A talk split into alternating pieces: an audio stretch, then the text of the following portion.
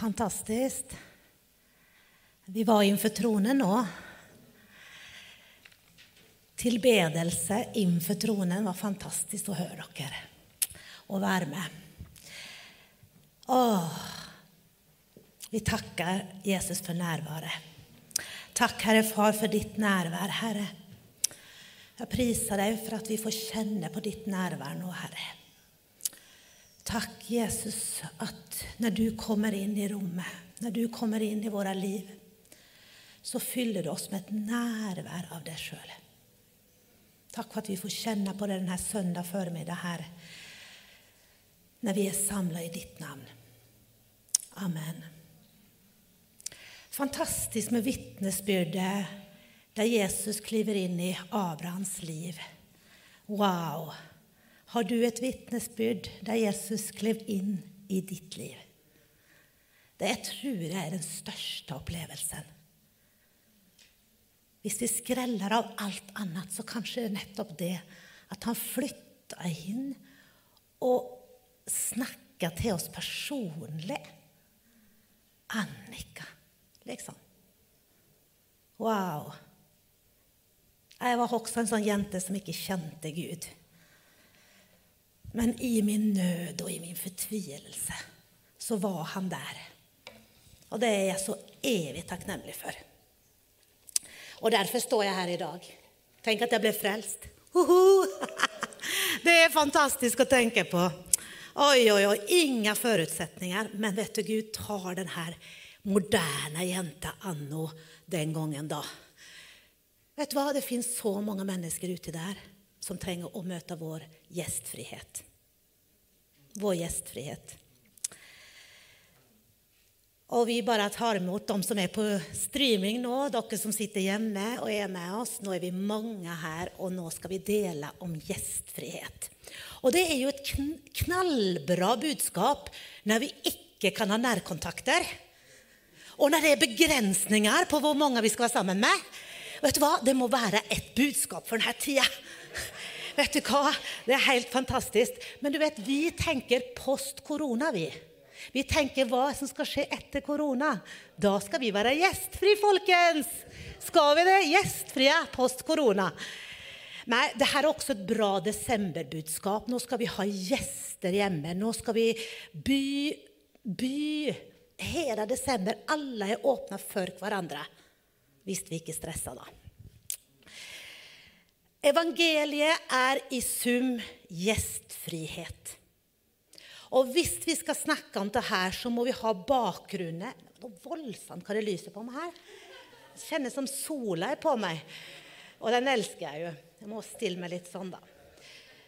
Du, hvis vi skal snakke om det her, så må vi ikke glemme at du og jeg var Altså, vi er gjester. Vi var fremmede. Jeg var fremmed til evangeliet. Jeg var fremmed for Jesus. Men jeg ble invitert. Du er en gjest og en fremling i denne verden. Du tilhører Gud. Du er hans barn.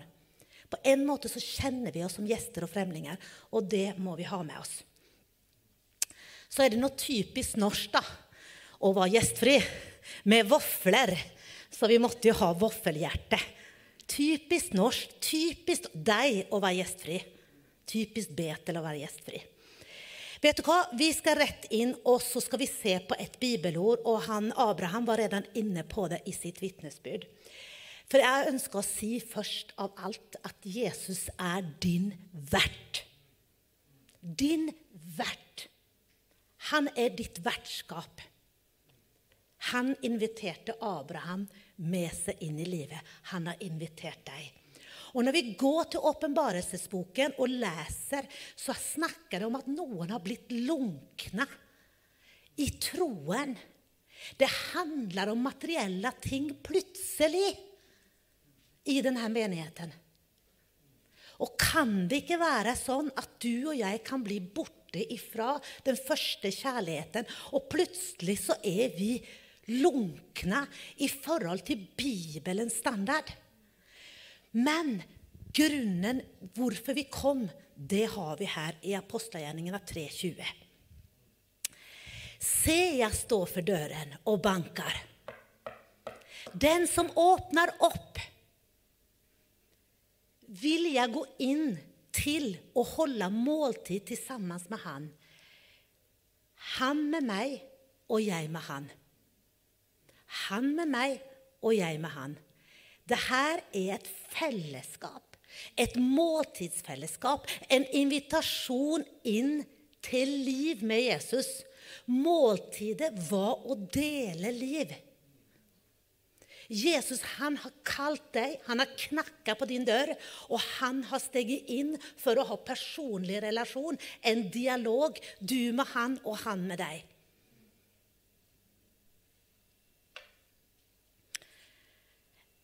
Jeg leste en plass at Jesus er både ordet og bordet. Og Kristian presenterte ordet som kom til oss forrige søndag. Og nå er det bordet. Det er måltidsfellesskapet. Jesus er din vert. Søkte du han, eller søkte han deg? Fant du han, eller fant han deg? Jesus han spiste og satt ved bordet temmelig mye. Fins det en hemmelighet i måltidsfellesskapet? Fins det en hemmelighet i gjestfrihet? Jeg tenkte, skal jeg kalle preken 'Gjestfrihetens hemmelighet'? Eller skal jeg kalle den 'Gjestfrihetens kraft'? Jeg tror det er begge deler. Og du kan bare bestemme for er det kraft for meg å være gjestfri. Er det en hemmelighet som jeg ikke har utforska, eller som jeg har utforska? Hva vil du at Jesus skal gjøre for deg? Det, I Salme 23 så står det 'He provide and he prepare'. Prepare and provide. Han forser deg, og han tilbereder. Han legger det foran deg. Han både vil forberede og forse deg med alt det du trenger. Han er din vert.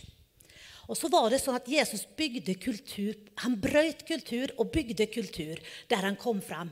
Og han brøt de her reglene som jødene hadde. Og en av de plassene han brøt reglene på, det var i måltidet.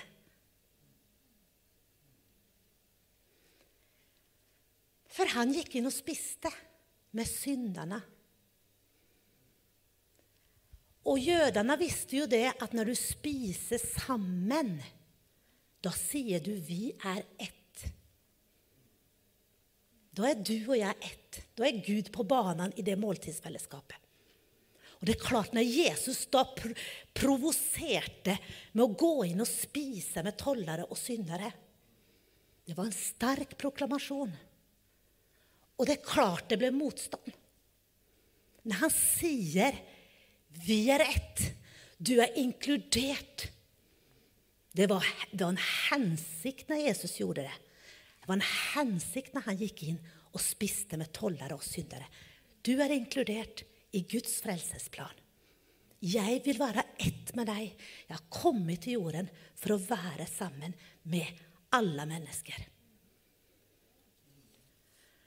Så med dette bakgrunnsteppet så er du invitert til Mesterens hus. Og du kan kjenne deg trygg der at du er ett med Jesus.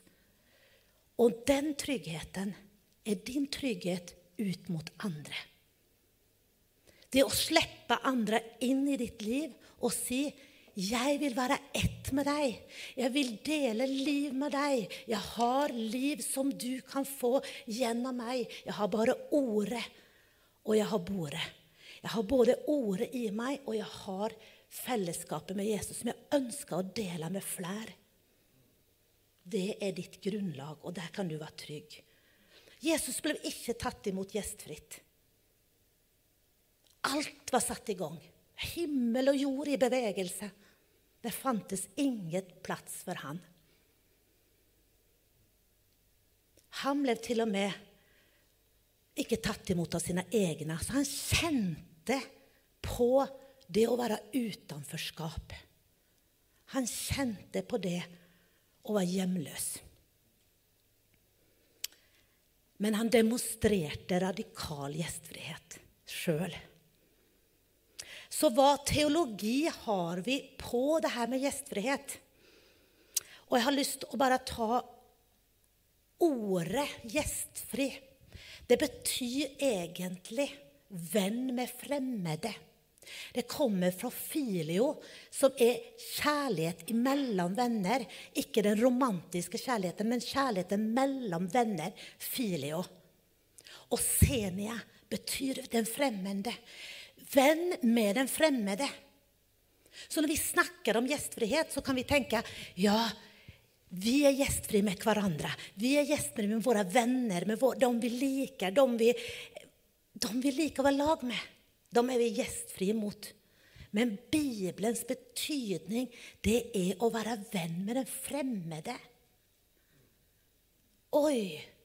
Det hørtes utfordrende ut. Det er nemlig et møte mellom himmel og jord i det å være gjestfri og det å møte den fremmede, den som da ikke kjenner, den som er på flukt. Over 25 historier i Gamle testamentet har jeg lest meg til at det handler om å ta imot folk som er på reise, som er fremmede, som man ikke kjenner. Hele Bibelen taler om å ta imot den fremmede. Hvor er vi som kirke? Hvor er jeg? Kan vi prøve å innstille oss litt grann i dag i forhold til gjestfrihet. For du skjønner, både den vertikale og den horisontale delen av korset er vår. Det nytter ikke for deg og meg å si 'Jeg elsker Gud', 'Jeg ber til Gud', og ikke tenke på de neste. Elsk de neste sånn som du elsker deg selv. Tryggheten, at jeg er elska, at jeg elsker, at jeg kjenner meg trygg, er grunnlaget for å elske min neste. Jeg veit min identitet. Jeg veit hva jeg har. Jeg tør å møte den fremmede, for jeg veit hva jeg tror på. Jeg er ikke trua. Jeg kan bli sett, satt i fremmede situasjoner. Jeg kan bli satt i ubehagelige situasjoner. Jeg kan møte det som er så ulikt meg. For jeg er trygg, og Gud er der. Så det går ikke an å skille Gud ifra å elske vår neste.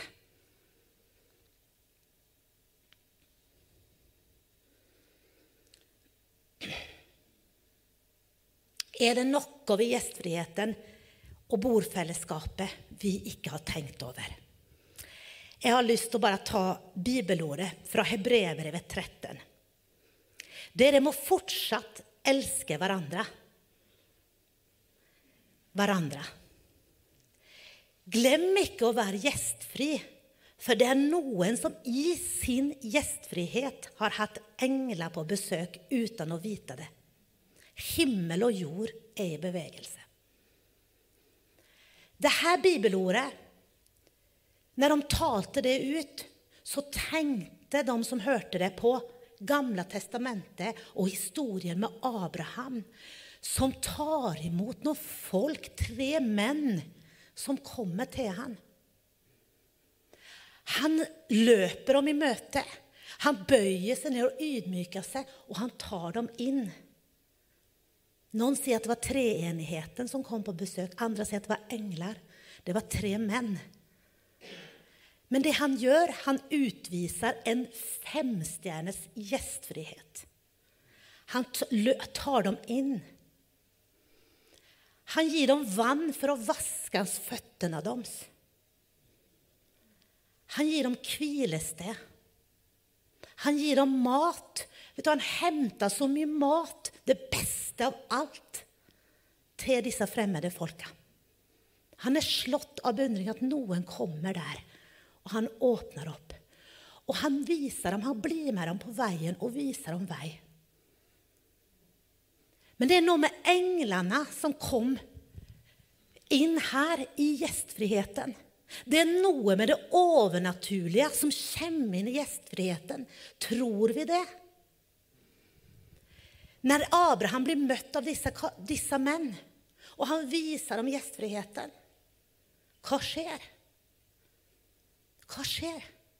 Jo, hvor er kona di? Ja, hvor er hun Sara, ja? Det blir et ord hun skal bli med barn. Det kommer et profetisk ord. Det skjer et mirakel. Det overnaturlige er i atmosfæren. Åndens gaver i funksjon. Mellom disse få menneskene der, samla i det hjemmet.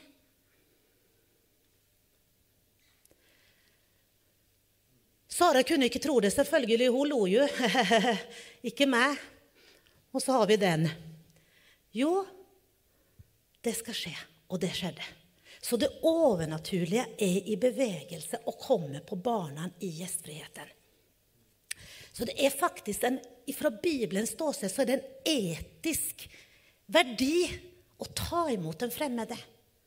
Ta imot gjesten. Det går så langt. Og Jesus roser eller løfter fram 'Jeg var fremmed, og dere tok imot meg'. Han knytta seg selv opp imot den fremmede. Jesus knytta seg opp imot barna, enker, fattige og den fremmede. Jesus selv er der. Hvor leter vi etter Jesus? Ja, det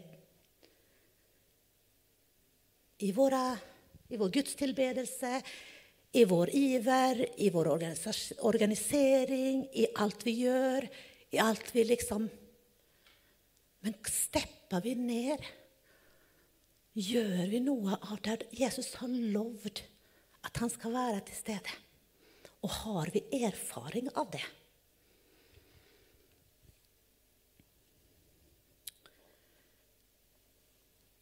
På slutten her så står det Eller vi kan lese det. For jeg var sulten, og dere ga meg mat. Jeg var tørst, og dere ga meg å drikke. Jeg var fremmed, og dere tok imot meg. Jeg var naken, og dere kledde meg.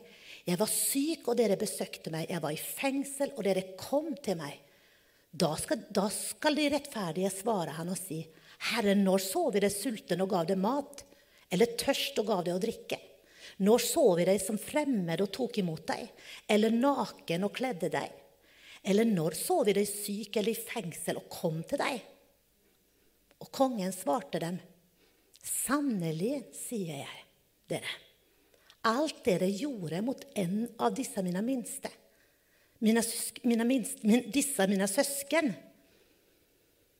det gjorde dere mot meg.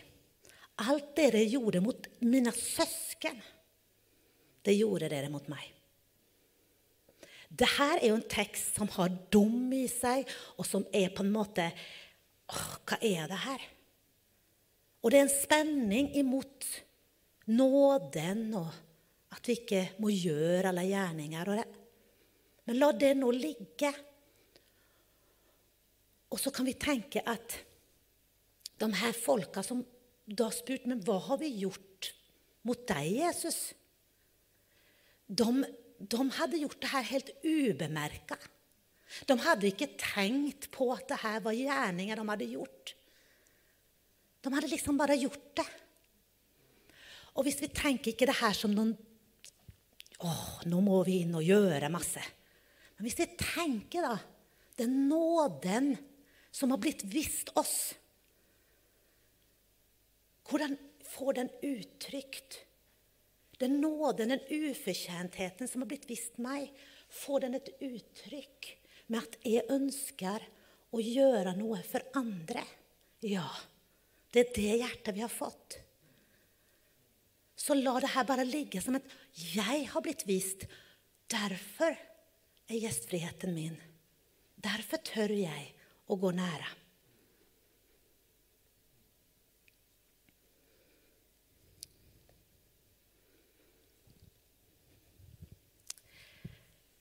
Skal vi se.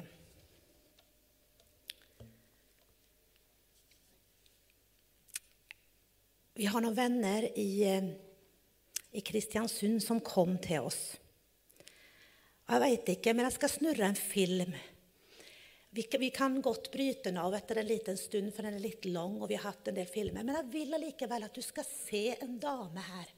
Nå, hun, nå, er hun i korona og akkurat begynt å snakke, så hun snakker veldig stille, for nå har jeg ikke hatt stemme.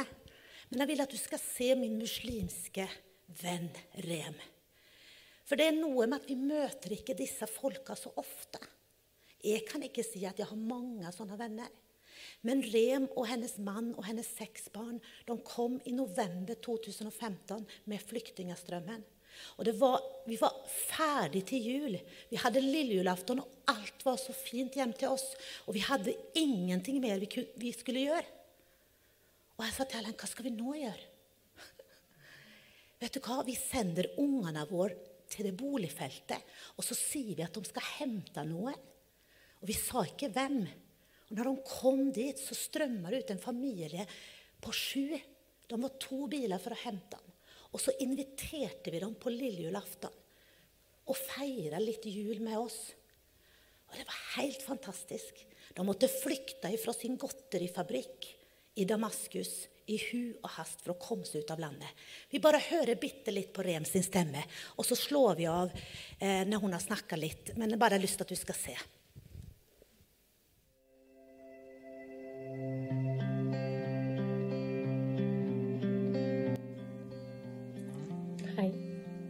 Jeg heter Rim al-Mamma. Jeg kommer fra Syria i november 2015. Jeg bor i Kristiansund. Jeg har fem barn. Jeg kommer sammen med mannen min og fem barn. Eh, nå barna mine er fra 9 til 22. Barna mine trives veldig godt i Norge. Jeg snakker rolig fordi jeg er syk. Jeg har vært syk nå i 14 dager. Jeg sitter i seng. Jeg filmer. Eh, vi er ikke farlig. Vi har folk som dere. Egentlig jeg møter mange folk som er skeptiske mot oss. Mm, jeg kan ikke si noe, men jeg prøver det best jeg kan å integrere meg sammen med norsk samfunn. Men det er ikke enkelt for folk, kanskje for vår del, siden vi kunne beherske litt engelsk da vi kom til Norge det var litt lettere for oss, oss å kommunisere med andre og forklare hvem vi er. Men det er ikke enkelt for alle folk som kommer fra andre land, å bli integrert. Det er veldig, veldig vanskelig. Du møter skeptiske folk hele tiden, som ser på deg på andre måter. Gjennom mine venner jeg føler meg inkludert. Men ikke hele tid i byen, ikke hele tid på jobb, ikke hele tid på andre aktiviteter når jeg er med barn. Fordi jeg ser skeptisk øyne hele tid. Men jeg er snill. Familien min er veldig snill. Og vi liker folk. Vi er hyggelige. Jeg ville, høre, jeg ville at dere skulle høre hennes måte å uttrykke den skepsisen hun føler. Hva gjør det med et menneske?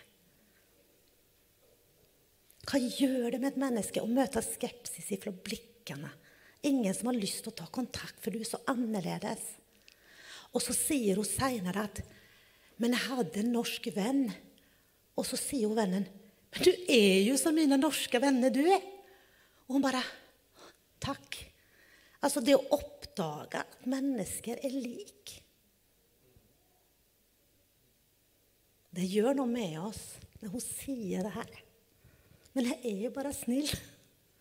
Helt nydelig familie. Men det er ikke så ofte vi er De sitter ikke så ofte i stua vår. Eller er her.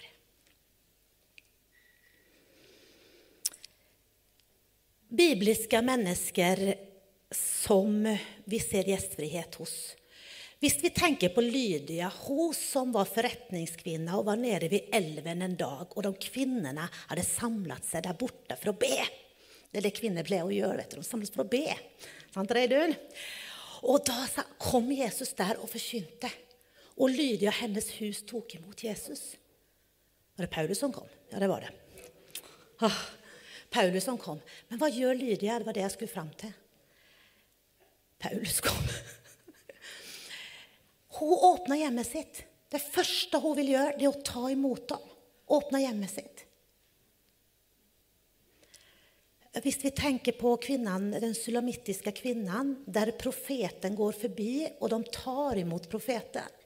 Og de sier bare 'Kom inn her, du'. Og så gjør han det gang på gang. Og så sier hun til gubben sin jeg tror vi må pusse opp et rom til dem. Og så gjør de i stand et rom for at de vil være gjestfri. Og de setter inn det bordet for fellesskap og måltid. De setter inn stolen, for her kan vi lære oss av hverandre og undervise. De setter inn en seng, for her kan det hviles. De setter inn en lampe, for det må jo være lys. Og det er vitnesbyrdet, det er oljen, det er livet vi har å dele. Det må være et liv. Og hvis du skal gjøre det, så må du legge inn wifi òg. For ellers overlever ikke gjesten din. Så hvis du tar med det, så har du fem ting. Fem stjerners gjestfrihet. Og da blir det veldig bra, skal jeg si. Så det å åpne hjemmet sitt Og vi ser også når Peter må gå til Kornelius sitt hus. Når det må, de må gå over kultur og raseskille. Tenk om jeg ikke har gjort det. Tenk om Peter hadde sett det så fremmede. Hvor har det blitt med deg og meg?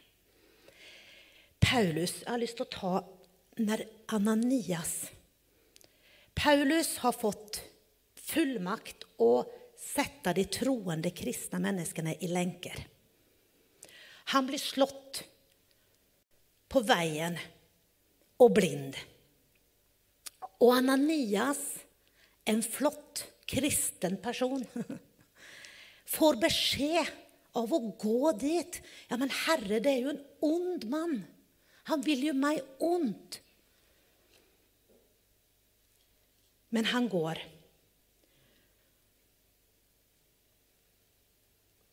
Ananias gikk av sted og kom inn i huset. Der la han hendene på ham. Det var sånn som du og Abraham, vet du. Og så sa han, 'Bror Saul'. Herren Jesus som viste seg for deg på veien da du kom, har sendt meg for at du skal få synet ditt igjen og bli fylt med Den hellige ånd. Straks falt skjellet fra øynene hans, og han kunne se. Han sto opp og ble døpt. Og da han hadde fått mat, kom han til kraftene igjen. Da ble han hvile. Han ble så hos disiplene i Damaskus noen dager. Hva hadde skjedd hvis Ananias, som ikke hadde gått til det her redskapet som Gud hadde utvalgt Paulus Hva veit vi om de redskapene Gud har utvalgt iblant trondheimsfolka? Fra alle steder og nasjoner.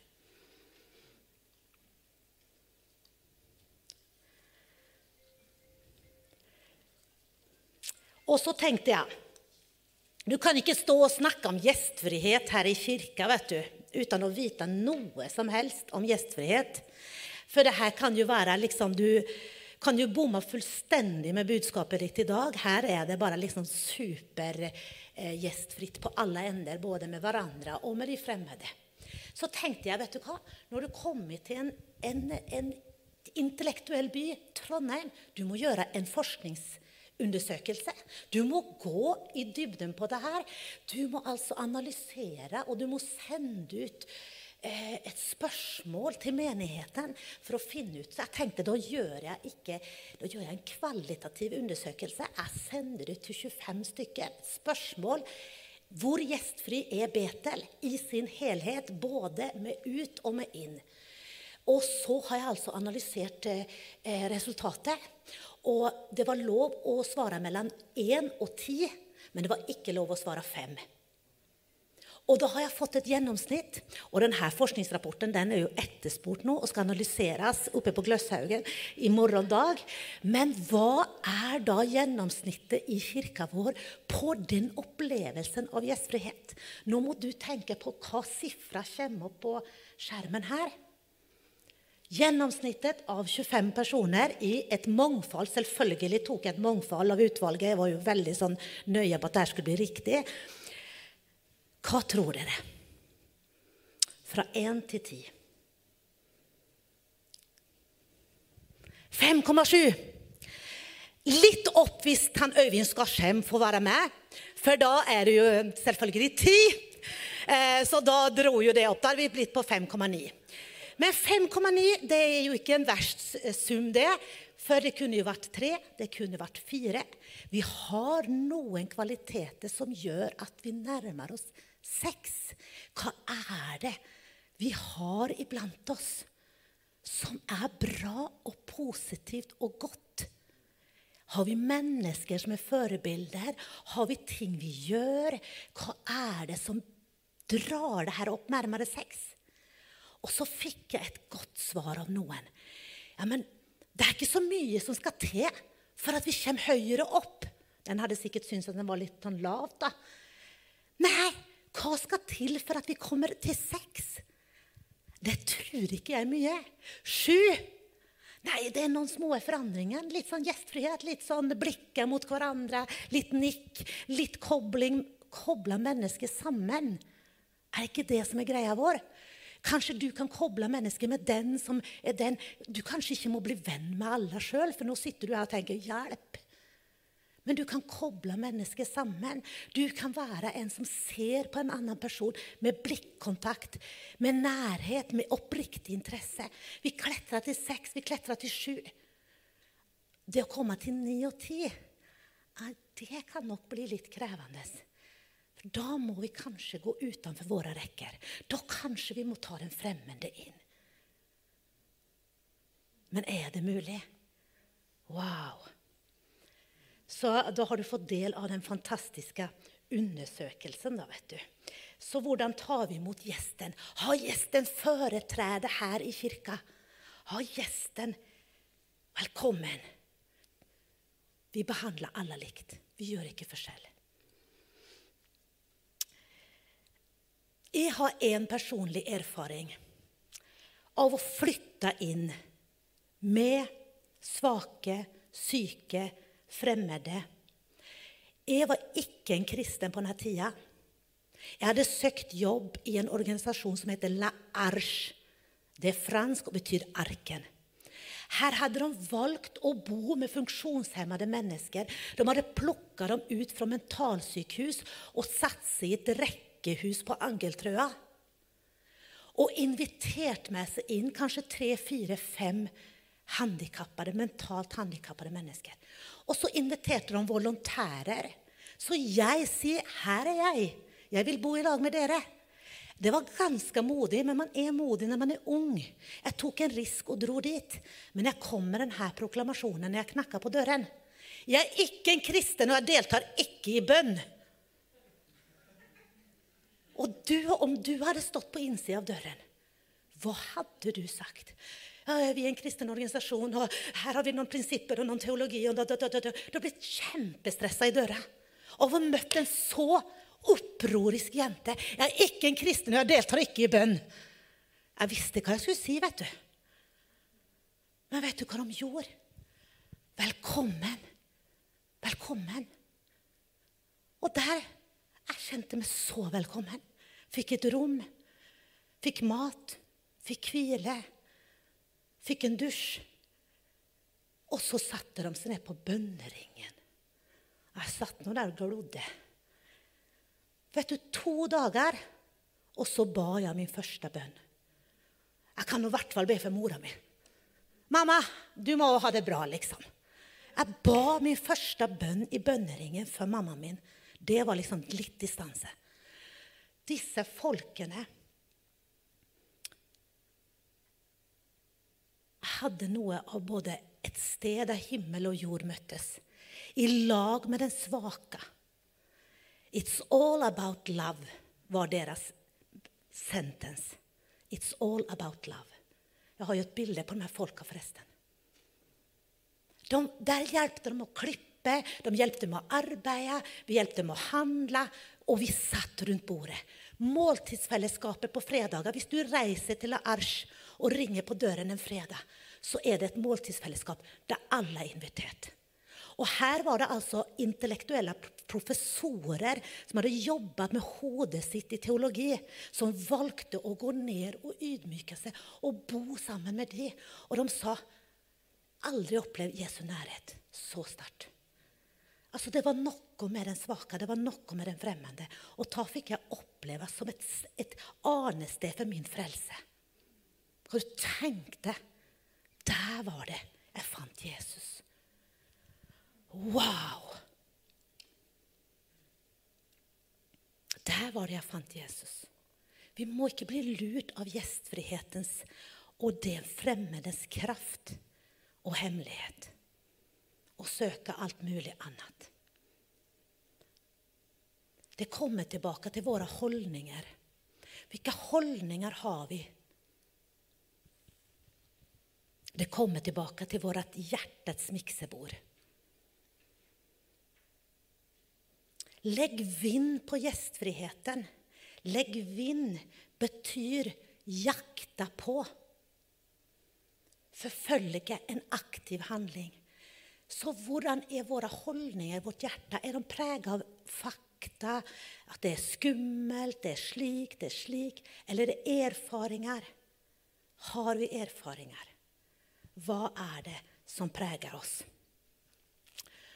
Og det her forsvaret som vi på en måte har satt opp i koronatida òg, det er forsvaret imot andre mennesker som har, vi har blitt påtvunget eller som vi lager oss sjøl.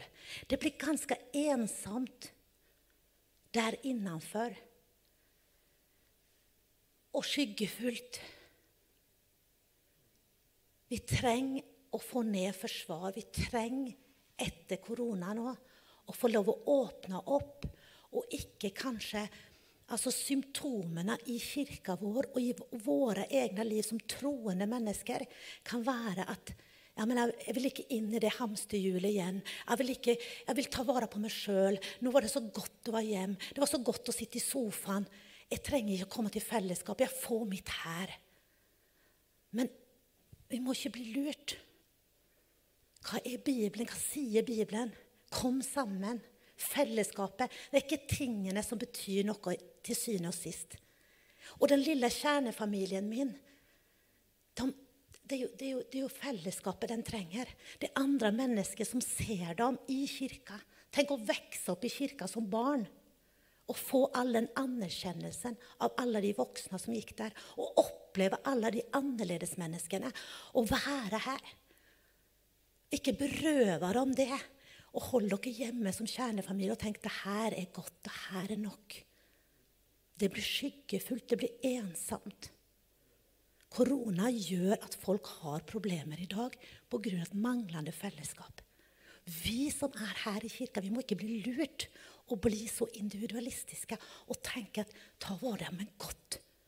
Jeg syns korona var godt. Det var noe deilig. Men jeg må ikke bli lurt. Og jeg skal ikke inn i hamsterhjulet, men jeg skal inn i livet i Gud og finne ut hva skal jeg gjøre, hvem skal jeg se, hvem skal jeg være for. Erlend har ikke så mye tid nå, ja. Du, du, du, du, har fått lov til å gjøre sånn her i dag, liksom, at nå må du slutte. Men du, jeg tenker siste bilde, og de her hjertebildene som jeg viser deg nå, de har jeg fått lov å bruke av hun Gro Rykkeli. Eh, og det her siste bildet, det er det her håpet. Om den spiren kan vår gjestfrihet og vår hjertevarme få ting til å spire. Og jeg skal bare si det, det. Vi har møtt så mange jenter i Kristiansund med psykiske problemer. Unge jenter i videregående. Og de har kommet til oss med angst, med ulike ting. Jeg skal fortelle deg at det, det var ikke så mye som skulle til. Vi tenker at de trenger psykologer, vi trenger at de trenger, trenger det og det og det. De her jentene de kom inn på Life-gruppa. Og de fikk oppleve denne profetiske bekjærningen gjennom å sette seg på en bønnestol og bli bedt for for første gang i livet sitt.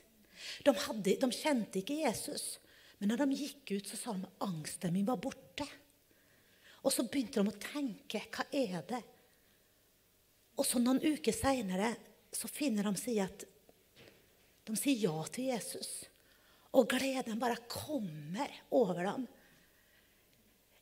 Jeg vil påstå at de her jentene er flere.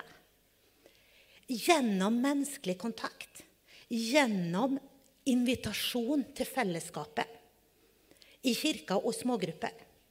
Gjennom at de får komme hjem til noen og se og få evangeliet litt sånn i en passe dose.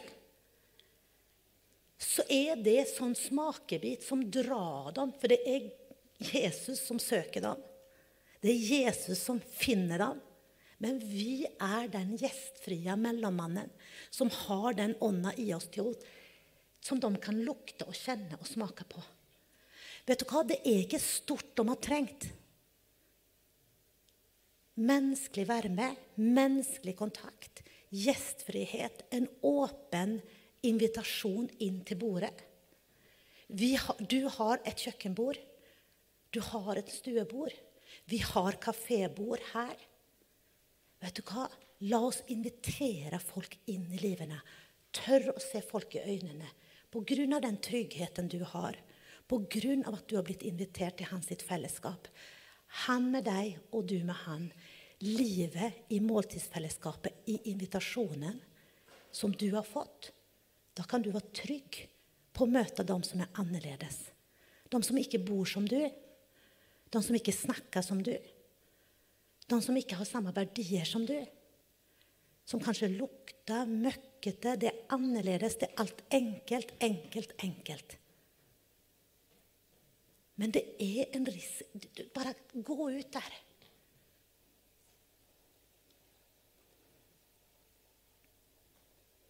Skal vi prøve å ta? Skal vi gjøre et forsøk? invitere noen hjem som er venn. Og så invitere noen som du aldri kjenner. Kanskje du bare skal snakke med dem på Trondheim torg. Høre hvor de kommer ifra.